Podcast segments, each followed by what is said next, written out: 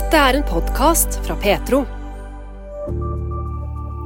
Jamie Gina Valde var bare elleve år da hun skrev sin første sang, og hun har alltid brukt musikken til å bearbeide tanker og følelser for seg sjøl. Men først etter fylte 40 skjønte hun at sangene i boken hennes kunne ha verdi for andre. Historien om Jesu fødsel blir ofte framstilt som en idyll, men det var en brutal virkelighet Jesus ble født inn i, sier forfatter av boken Juleevangeliet, Notto Telle. Og ved oppstarten av årets adventstid så skal vi òg snakke om hva som var Jesu programerklæring, hva han sjøl sa om hvorfor han kom. Margit Tunemo tar oss med inn i det mot slutten av denne podkasten. Petro-uken oppsummert, uke 48.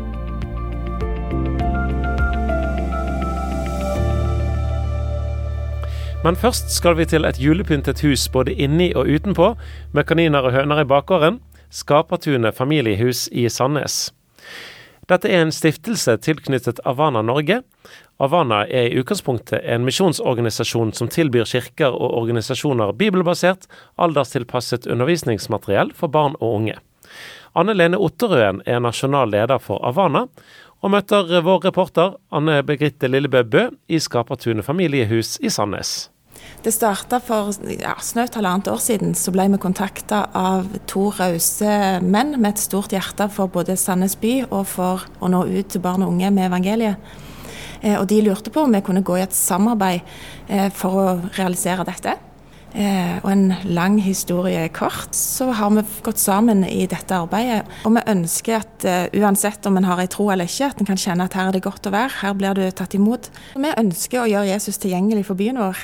En plass der vi kan nå lenger ut, ut fra menighetene, og nå de som gjerne ikke uh, ja, nødvendigvis kommer på søndagene. Men vi ønsker å bety en forskjell for byen, og vi ønsker å nå ut med godhet, med evangeliet, og vi tror at relasjoner er veien å gå eh, for å nå barn og unge og familier i denne byen. Og Da går jo det inn i visjonen til Avana, egentlig, det å gjøre Jesus tilgjengelig for, for, barn og ungdom. Hvordan, Du sa litt om det, men hvordan er dere finansiert? da? Det var jo noen gilde folk som tok kontakt, sa du i starten her. Ja, det er to eh, rause forretningsmenn rett og slett som har eh, fått dette på hjertet. At de ønsket å kjøpe dette huset og gi det til byen. Eh, så Skapertun er en stiftelse, så det blir fin finansiert via den. I, inni Skapertunet her, fint pynta til jul allerede, så møter vi òg Hege Østevik Bjerg. Du jobber her, og du må fortelle. Hva er dette her Skapertunet familiehus? Det er ikke så enkelt å si med to ord. Men um, hvis vi tar utgangspunkt i ordet, så heter det Skapertunet familiehus. At vi tror på en skaper som har skapt oss uh, kreative. Og han tun, han skaper oss til fellesskap. Og familiehus. Familien er Din familie, vår prioritet, er visjonen her. Du, din start inn i dette her er litt spesiell. Kan du fortelle historien om hvordan du eh, kom til å begynne å jobbe her? Ja, jeg hadde lenge gått med en lengsel etter å dele Jesus. Jeg jobba med folk, og så kjente jeg at jeg kan få lov til å være med og bidra et stykke, men jeg hadde så enormt lyst til å dele Guds kjærlighet og gjøre den tilgjengelig. Så um, den natta før de ringte, så hadde jeg bestemt meg for å si opp stillingen. Og jeg visste jeg skulle gjøre noe annet. Gudfeldig eller tilfeldig?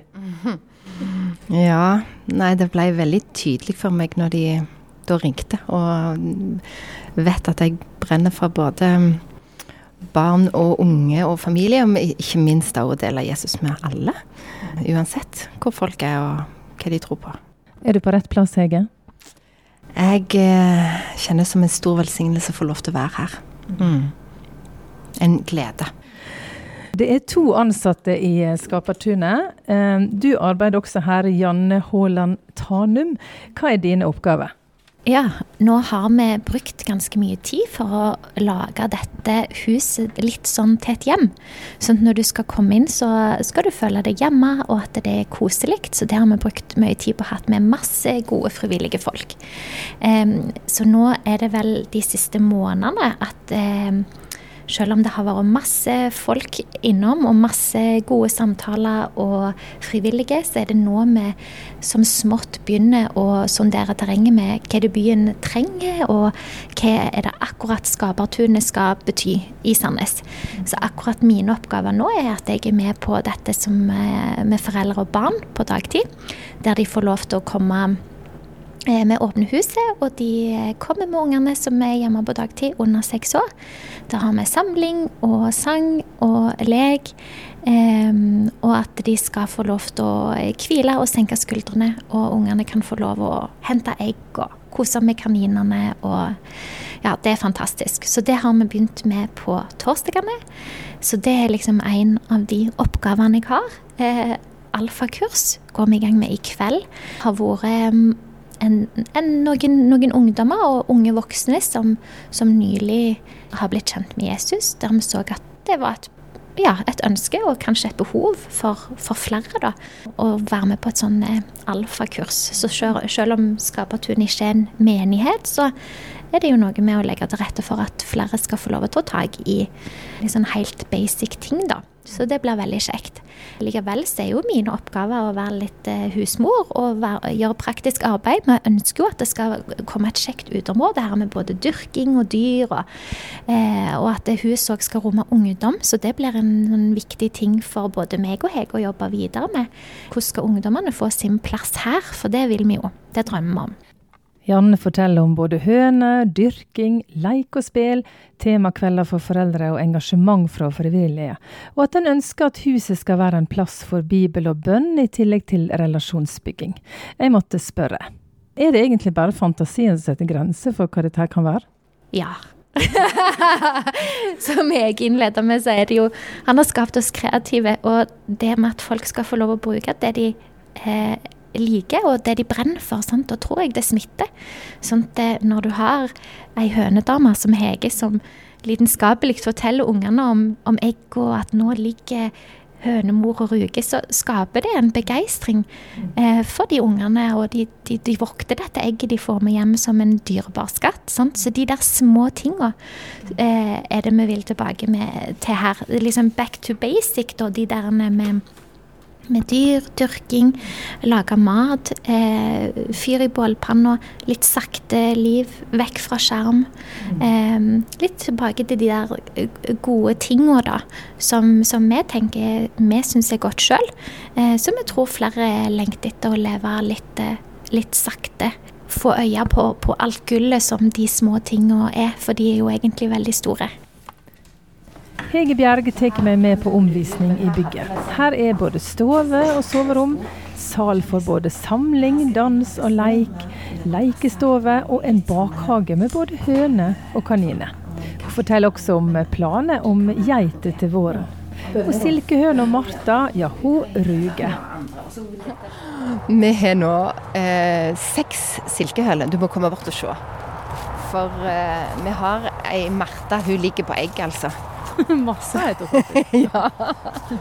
Hun, hun, er litt travel, men akkurat nå har hun, har hun gått til Skal vi se.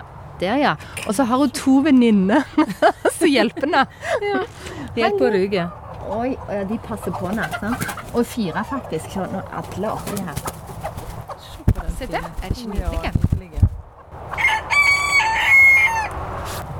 Jeg møter også en som heter Geir Berge her på Skapertunet. Du er en av de som er med og bidrar. Hvorfor det? Jo, Vi ønsker jo å, å, å bidra noe lokalt. Og uh, det å få ut uh, budskapet ut uh, blant barn og unge. Og hjelpe familier til å klare å ivareta de, de gode, trygge verdiene for, for familier. Bygge på, på tro. er syns vi er veldig viktig. Disse ansatte her sier at du er en av de som har bidratt veldig og hjulpet til med praktiske ting. Hva gir det deg å være med på den måten? Ja, det, det er fantastisk å få lov å også være med og fasilitere med de tingene som jeg, som jeg kan bidra med. Og, og se det som, som skjer her. Eh, det, det er fabelaktig. Et hus med nesten alt mulig slags tilbud, høres dette her ut som, i Sandnes. Du Har dere fått tilbakemelding på arbeidet dere til nå, Hege? Dere har ikke holdt på så veldig lenge? Nei, vi starta jobben i 2. mai. Og som gjerne sier, så har vi hatt fantastiske god hjelp av mange frivillige som har kommet innom. Og, og, de forteller jo, og de som bare dupper innom her, at, at det er godt å komme. Og det å bli sett og møtt og elska ønsker vi at alle skal oppleve, uavhengig av ståsted de har. Um, og det beskriver folk. Mm.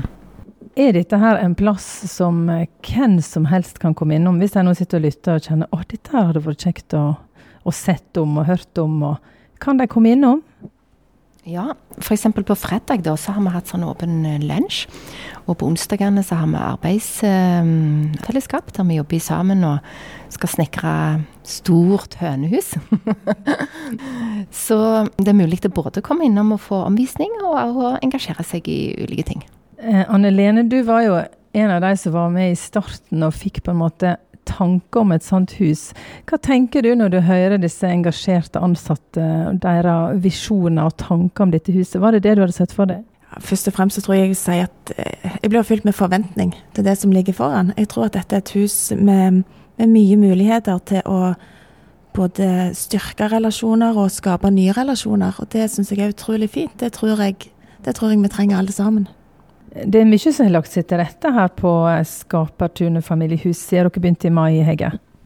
Ja, det er veldig mange ting eh, både praktisk og eh, som vi hadde aldri eh, ant skulle Ja, folk har bare kommet til huset og hjulpet med det, og akkurat når vi trengte det, så fikk vi det. Og akkurat i går fikk vi en, noe til snø, for vi hadde jo ikke Det er jo tomt hus. så vi må Og plutselig så kom det noe med, med noe vi kan ta vekk snøen med. Så mange ting har bare lagt seg og åpna seg. Og, og, det har vært med arrangementer òg. At uh, det har bare kommet folk som Det har vi lyst til, og det vil vi. Og, uh, og så har vi gått litt ut ifra det, da. Mer enn, å, mer enn å stresse det, så har vi gått der freden er. Mm. F.eks. som med dans. Der var det et ønske fra familie om dans. Og så har det bare lagt seg til rette med, med folk som har lyst til å engasjere seg i det. Men er det sånn at veien blir litt til mens du går, er det det du sier, Hege? Ja, vi har jo de der lange linjene og visjoner og drømmer. Eh, og så allikevel så, så, må vi stoppe og alltid ta Herren med på Heller rett og slett gå i lag med han og fylle han. Og være lydhør for hva han sier. Og så går vi der han sier. Det sa Hege Østervik Bjerg, som er leder for Skapertunet familiehus i Sandnes. Janne Haaland Tanum arbeider òg her, og du hørte Anne Lene Otterøen og Geir Berge i innslaget her. Anne Birgitte Lillebøbø var rapporter.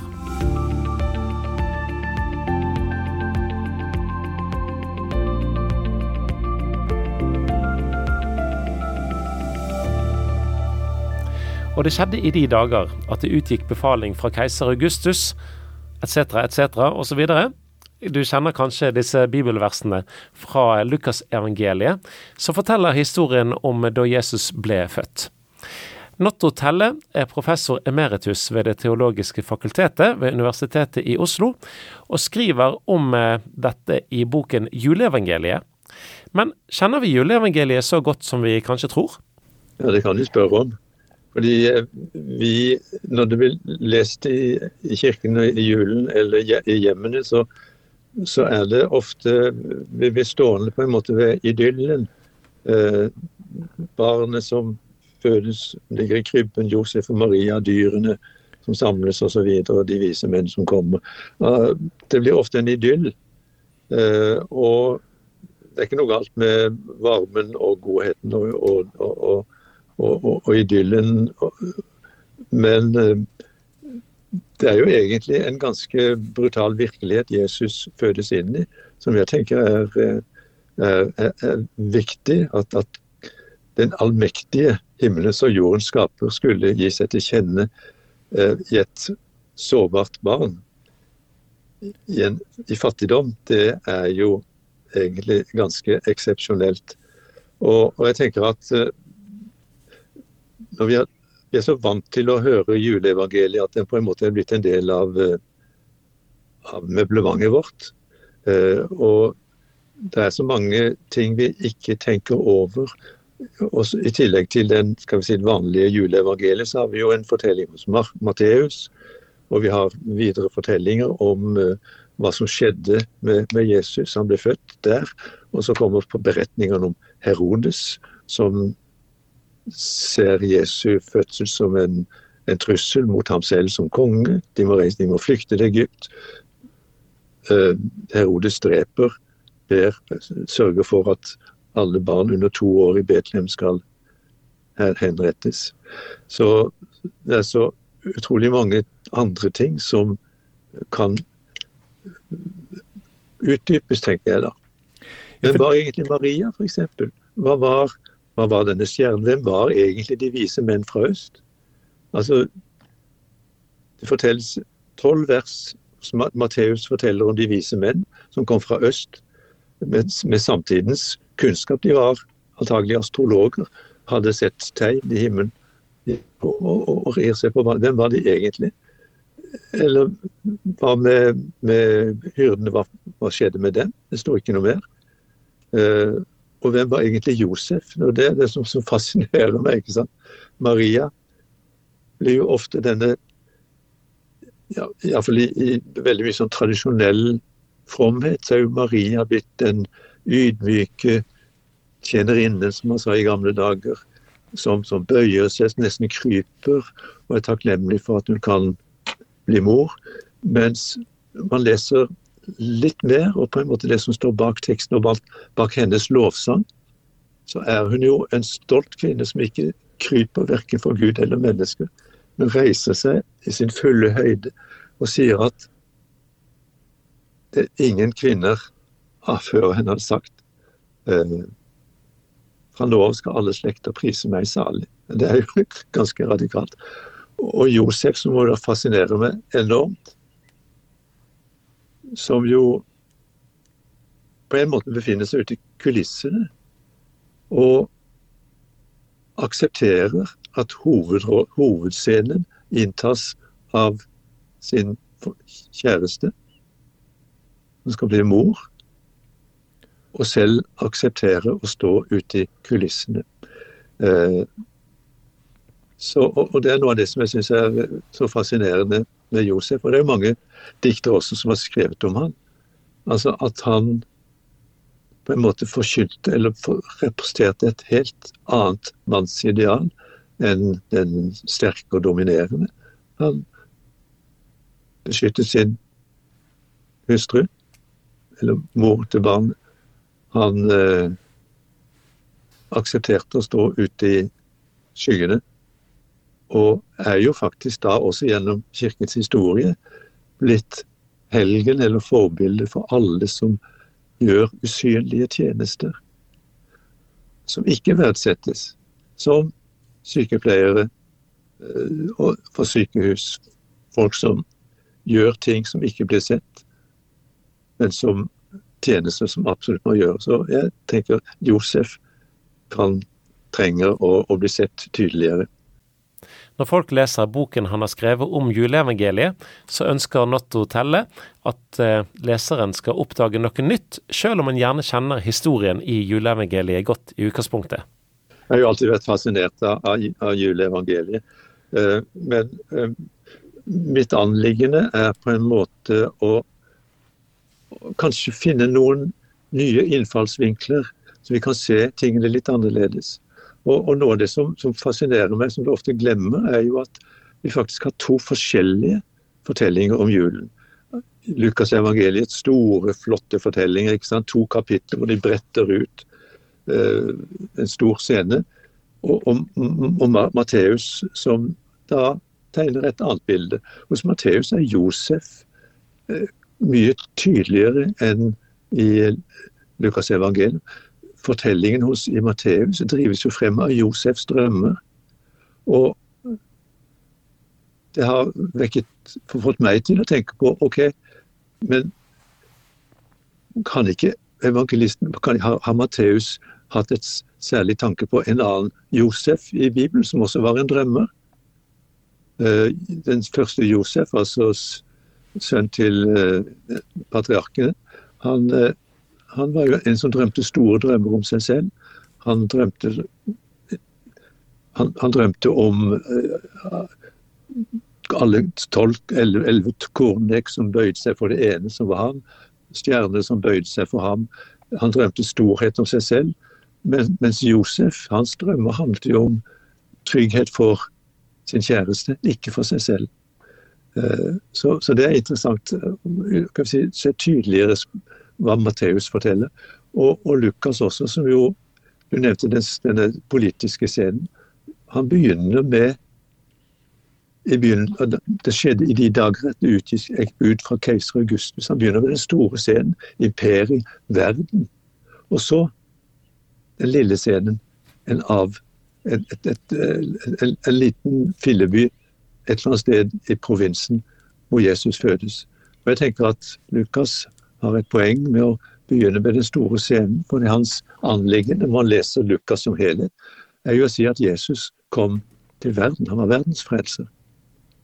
Så ja, det, det, det, er noen sånne innfallsvinkler som jeg syns er interessant å få med seg når vi skal eh, på en måte se litt mer enn akkurat idyllen.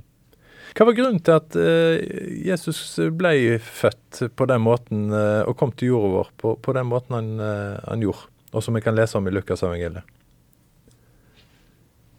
Det vet vi jo ikke. Ikke annet enn at det er kanskje det noen vil kalle Guds dårskap. Altså at den høyeste, den himmelen som jorden skaper.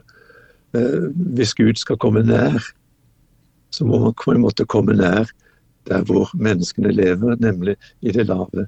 Og, og, og Noe av sum, opp, summen i selve juleevangeliet for meg er jo kanskje en omskrivning av englesangen, for de synger jo om 'ære være Gud i det høyeste'.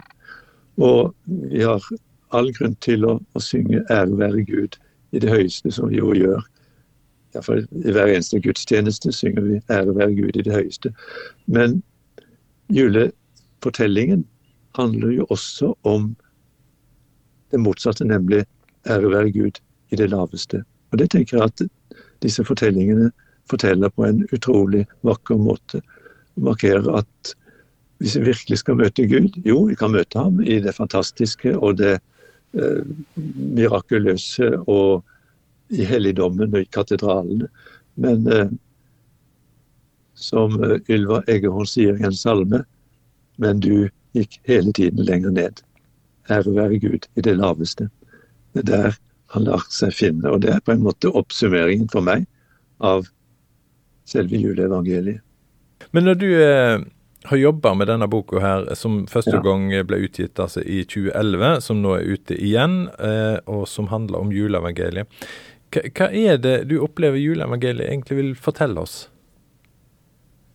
Eh, det er jo en fortelling om Guds kjærlighet.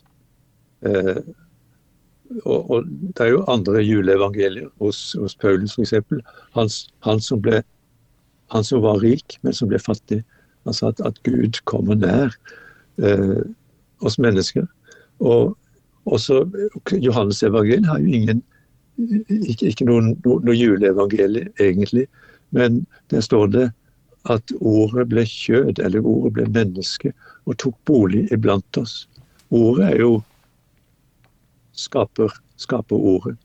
Eh, Kristus. Og når det står at det tok bolig, så står det man leser gresk, han slo opp sitt telt iblant oss. Og Det er også ganske beskjedent. Eh, så jeg tenker at eh, juleevangeliet sier meg at hvis Gud, eller da Gud, virkelig skulle komme nær, så måtte han komme der hvor de fleste mennesker befinner seg, nemlig i det alminnelige og i det lave. Med smerter og gleder og, og hverdager og skitt og ja, alt mulig. Uh, han slår opp sitt telt. Altså, det er noe Gud kommer som gjest.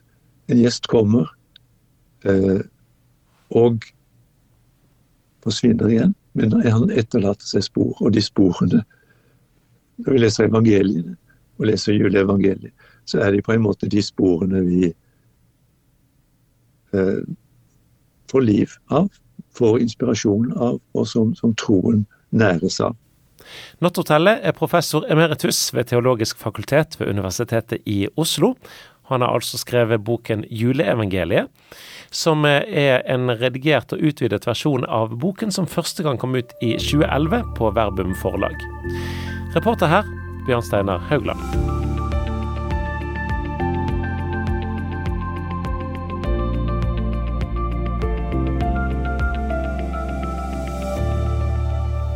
Nå skal du få møte Jamie Gina Valde. Opprinnelig så kommer hun fra Trinidad og Tobago, som altså ligger i Det karibiske hav. Hun er gift med en nordmann og bor på Frekkhaug nord for Bergen. De senere årene så har hun begynt å gi ut egenskreven musikk. Låten 'Safer' ble gitt ut i oktober, og nå i førjulstiden så er hun òg aktuell med en ny julesang. Og musikk det er noe som betyr masse for Jamie Gina. Ja, musikk eh, har, vært, har, alltid vært min måte å, å gruble på ting og reflektere. Og få det ut på i ord. Eh, siden jeg var liten, så eh, hvis det var noe som skjedde, så var det veldig lett for meg til å Istedenfor å snakke om det, til å jobbe litt med det, og så lage en sang. og så fungerte det veldig fint for meg. Så det i ja, Så betyr det da at du begynte å skrive sanger ganske tidlig der, da? Ja. Jeg tror Mamma og jeg snakket litt om det. Jeg tror at det første sangen jeg skrev, jeg var elleve. Det var en litt, sånn litt vanskelig periode i, i, i, livet mitt. Og det er derfor jeg fant ut at jeg må skrive. For jeg har alltid skrevet en sånn day diary. Skriver litt om dagen og det som skjedde. Men eh, nå har jeg fant ut at oi, bare til å skrive det ut. Det var ikke nok. Jeg måtte lage litt musikk til det, og jeg har aldri tenkt at det kan være til jobb til noe annet. Det har alltid vært min. Men eh, nå seinere i livet, kanskje når jeg plasserte 40, kanskje, det var en liten 40-års aha-opplevelse eller noe sånt, så skjønte jeg at oi, alle disse sangene som jeg har skrevet i en bok, de må ut. De, de har hjulpet meg, men kanskje de kan hjelpe noe annet òg til å bearbeide med ting som har skjedd i livet deres. Ja, Så det betyr at det er bare de seinere årene at du faktisk har uh, gitt ut og delt musikken med, med andre?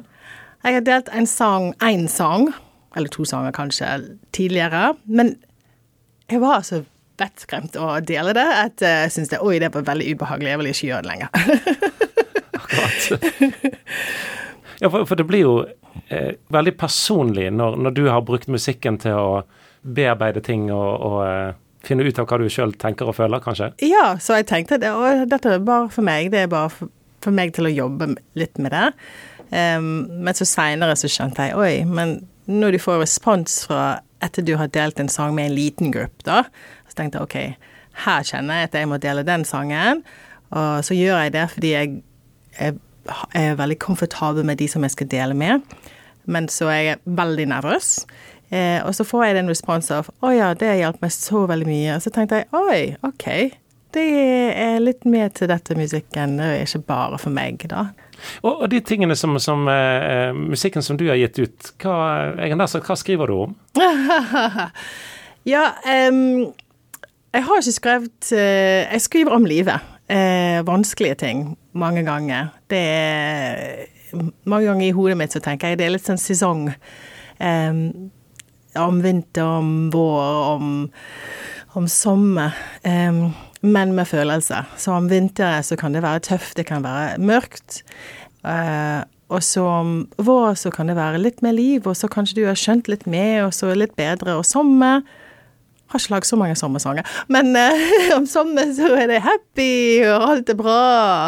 Um, men jeg tror at for min del Jeg har litt uh, sånn melancholy sånn, mm, Det var noen som beskrev det som a pretty melancholy.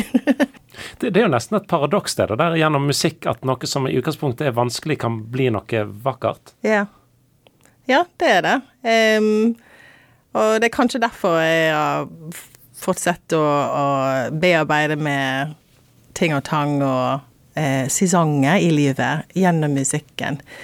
Eh, det er akkurat som skaperen. Han eh, tok ingenting og skapte noe, og det blir så fint og vakkert. For andre til å på en måte beundre og, og skjønne at uh, han er så fantastisk. Det samme, vi kan ta um, vanskelige ting og ting som er mørkt og kanskje det er litt sånn ugly, og, og presse det ned og bearbeide med det, og akkurat som en diamant. ja. Du, forresten, en, en, helt annen ting, men jeg blir bare litt, litt nysgjerrig. Eh, for du nevnte det at med mørke og, og sånt noe. Mm. Eh, da må det være litt krevende å flytte til Norge, tenker jeg, med sånn vinterstid.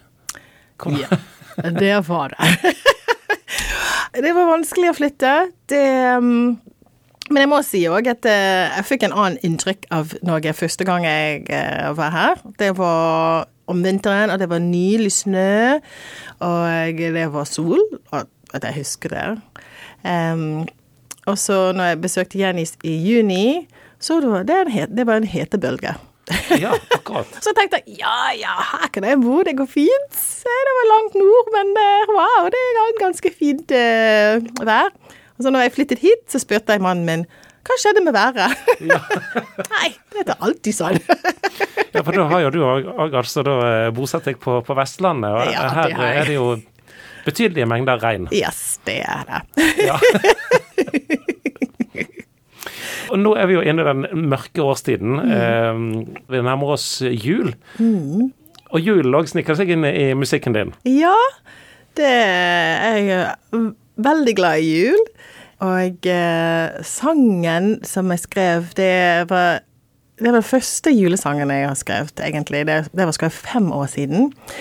Um, og det var spilt uh, på en julekonsert i Kristent Fellesskap sammen med datteren min og en god venn, Elisabeth Fallon, på cello. Datteren min hun spilte eh, hva heter det, melodica. En som du blåser inn på. Eh, så det var veldig koselig. Eh, men eh, sangen er rent eh, juleevangeliet. Eh, men jeg var skrev på et fly fra ja. Tyskland. Ja. Jeg hadde veldig lyst til å skrive en julesang. Og så fikk jeg den uh, begynnelsetone Og så det bare flyt ut på flyet. Så det var, det var kjempegøy å få uh, sangen så fort. Ja. Mm. Det høres jo ikke ut som et sånt veldig uh, ideelt sted for musikkskriving å sitte på et fly trangt med masse folk og sånn, men, men, det fungerte altså? Det fungerte veldig fint. jeg tror det, Veldig mange artister tror jeg at de har sin plass der de liker Eller der de får veldig masse inspirasjon. For meg eh, Jeg får veldig mye eh, inspirasjon når jeg er i bevegelse. Så eh, mange melodier kommer når jeg kjører. Eller tidligvis når jeg flyr. Eh, eller når jeg går i naturen. Mm. Ja, Det fortalte altså Jamie Gina Valde om sangen 'Christ Is Born', som er ute på strømmetjenester nå. Du lytter til en podkast fra Petro. Vi ønsker å formidle tro, rotfestet, redelig, reflektert og relevant, slik at du blir inspirert til etterfølgelse av Jesus. I tillegg til podkaster og webradio kan du høre Petro på DAB 24-7 mange steder i landet.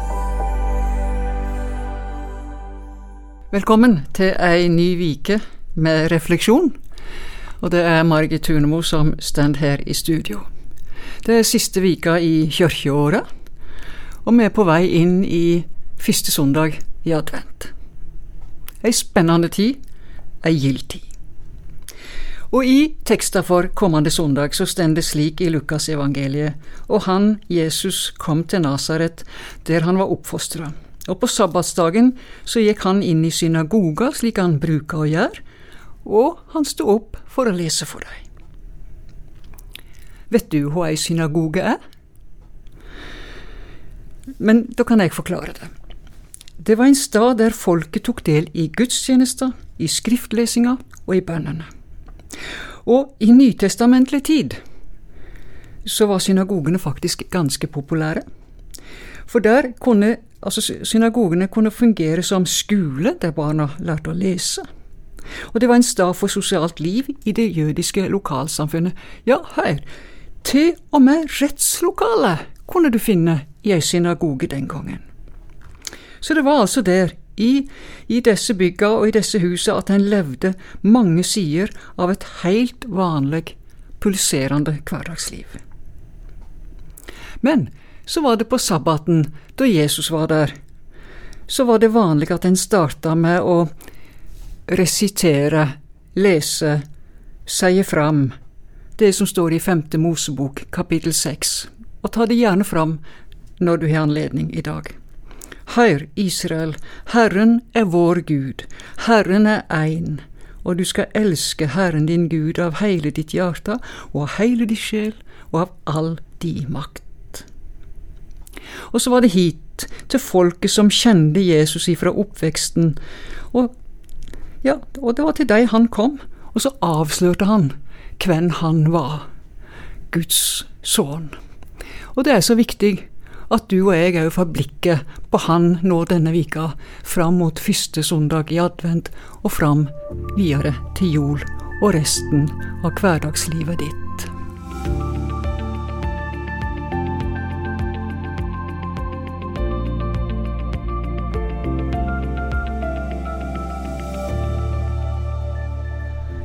I teksten for kommende søndag så har Jesus funnet fram et sitat fra Det gamle testamentet. Og i den delen av Bibelen så er det en profet som heter Jesaja. Og han levde sånn om lag 750 år før Jesus. Så selv om dette altså er gamle ord, òg på Jesu tid, så har jeg undra meg jeg, over hvor aktuelt dette ordet òg er for Jesus, og for deg og meg i dag. Og Jesus, han la oss slik. Herrens ande er over meg, for han, Gud, har salva meg til å forkynne evangeliet for fattige. Hvorfor las Jesus nettopp disse orda i synagoga på heimstaden sin Nasaret? Og hvorfor leser du og jeg dem i dag? For når disse ordene er sagt så mange år før Jesus i tid, hvordan kan de være viktige denne dagen, når Jesus leser dem, men òg i dag? Evangeliet for fattige. Hva kan det ordet bety? Og Jesus han sier jo det i Matteus 5 at særlig de fattige i ånda. Ja, hva tenker du om det? Altså ikke fattig på materielle ting, men fattig i ånda. Kan det ha noe med å være hjelpeløs åndelig sett? Uten krefter til å løse seg sjøl ut av ei åndelig knipe? Ikke utenkelig, det.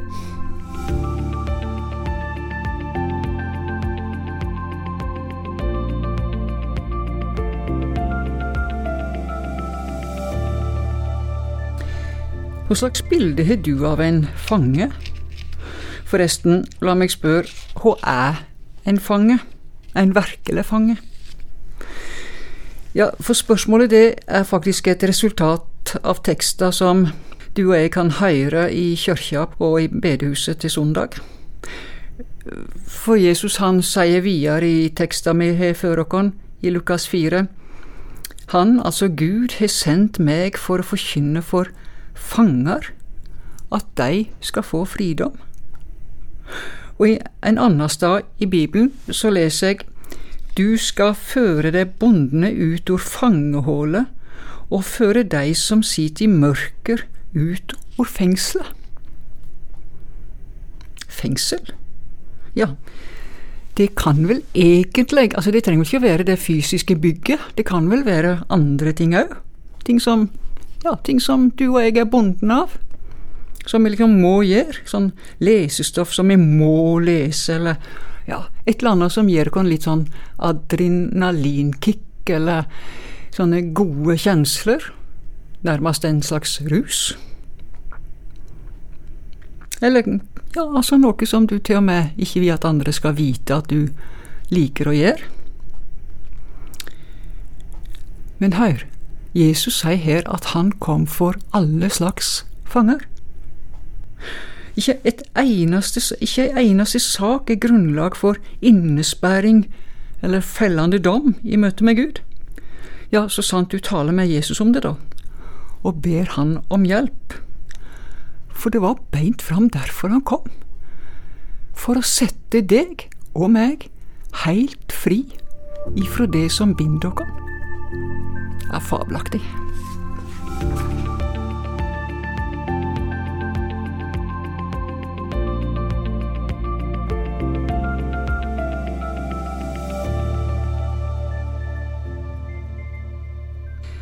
Og jeg tenker at det må være ei fram ifrå oppleving for en som alltid har vært blind, å få synet att. Ja, for tenk at alt en ikke visste hvordan var. Farger, natur, fugler og dyr. Det er vanskelig å lage bilder når du alltid har vært blind. Og tenk å kunne se det mennesket som du mest av alt er glad i, det som står deg nærest, og som hjertet ditt henger fast ved. Så har du reflektert litt rundt det, om det òg kan være andre måter å være blind på enn fysisk blind? Jeg har gjort det i det siste. For av og til så hører jeg at ja, hun ser seg blind på han, eller han ser seg blind på den saka, og du vet det nytter ikke å få han inn i et annet spor. En korkje ser eller tar imot innspill eller motargument, lytter ikke til noen ting. Har du det slik når du hører Guds ord? Hører om Jesus? Bare navnet? Du har sett deg blind på kristne som du har funnet så mye gale med. Og den blindskapen, den handler ikke om hva du og jeg ser i hverandre. Den blindskapen Bibelen taler om her. Den handler om å få se at Jesus er den eneste måten jeg kan få åpne øynene og se Han.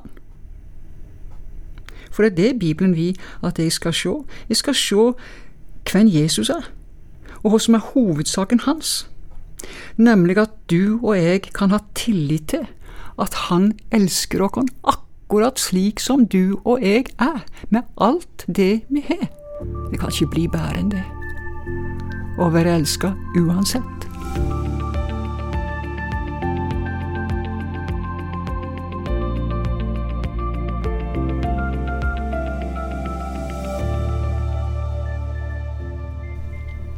Herrens ande er yve meg for å sette undertrykte fri, sier Jesus denne sabbatsdagen i Nasaret. Og du vil høre den kommende søndag. Hva tenker du når du hører han? Får du assosiasjoner til slaver og fattige som blir utnytta? Og har setninga politisk sprengkraft?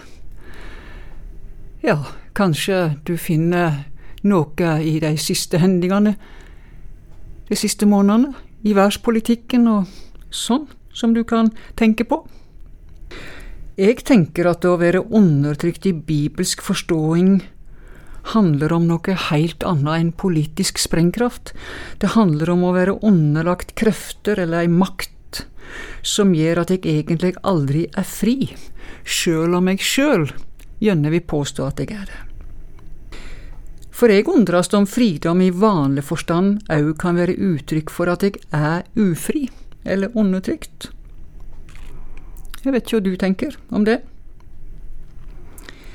For Bibelen den taler om å være underlagt synda si makt. Og da er du og jeg både ufri og undertrykt, hvis det er tilfellet. At vi er det. Og den eneste måten du og jeg kan bli fri på, det er å lytte til Jesus og la han definere hva jeg er bonden av. For det er han som kjenner alle slags knuter i livet mitt, og er i stand til å sette meg fri. Virkelig fri. For igjen, det er ikke gordiske knuter i Guds rike. Alt er løsende, fordi Jesus har makt, han har kunnskap, og han har vilje til å løse absolutt alle som kommer til han. Så det er bare et spørsmål kommer du?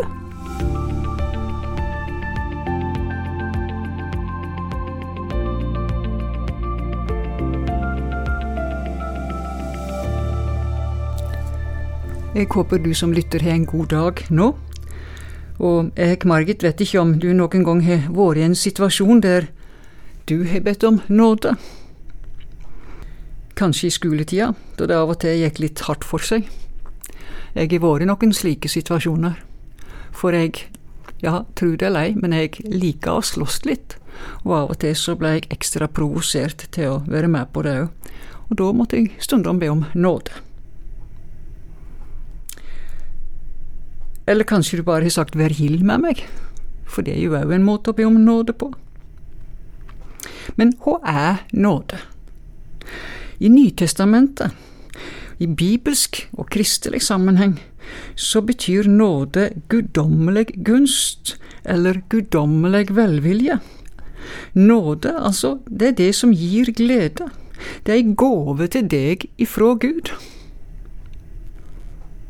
Og da Jesus las og ropa ut et nådeår fra Herren, så minner han om at Gud er lojal og trufast imot sine egne lovnader ifra gamal tid. Slik han mellom annet hadde sagt at profeten Jesaja skulle si til folket 750 år før. Denne lovnaden gjelder hver eneste dag. Uansett hvor mange dager, måneder og år siden det er den blei uttala av Gud. For hvert leveår, for alle slags mennesker, til alle slags tider, så gjelder det at Jesus Kristus roper ut et nådeår. Og det er det du blir minnet om i jula òg. Høgtida den første i kommende kirkeår. Så jeg undrast om dette er dagen da du skal ta imot denne gåva ifra Gud, som Han fremdeles gjønne vil deg. Og da får du ei heilt ny jord For da kan du mer enn noen gang før feire i glede og takk over Han som heldt lovnaden, og ga sin egen son for de skyld må du ha en signerik advent.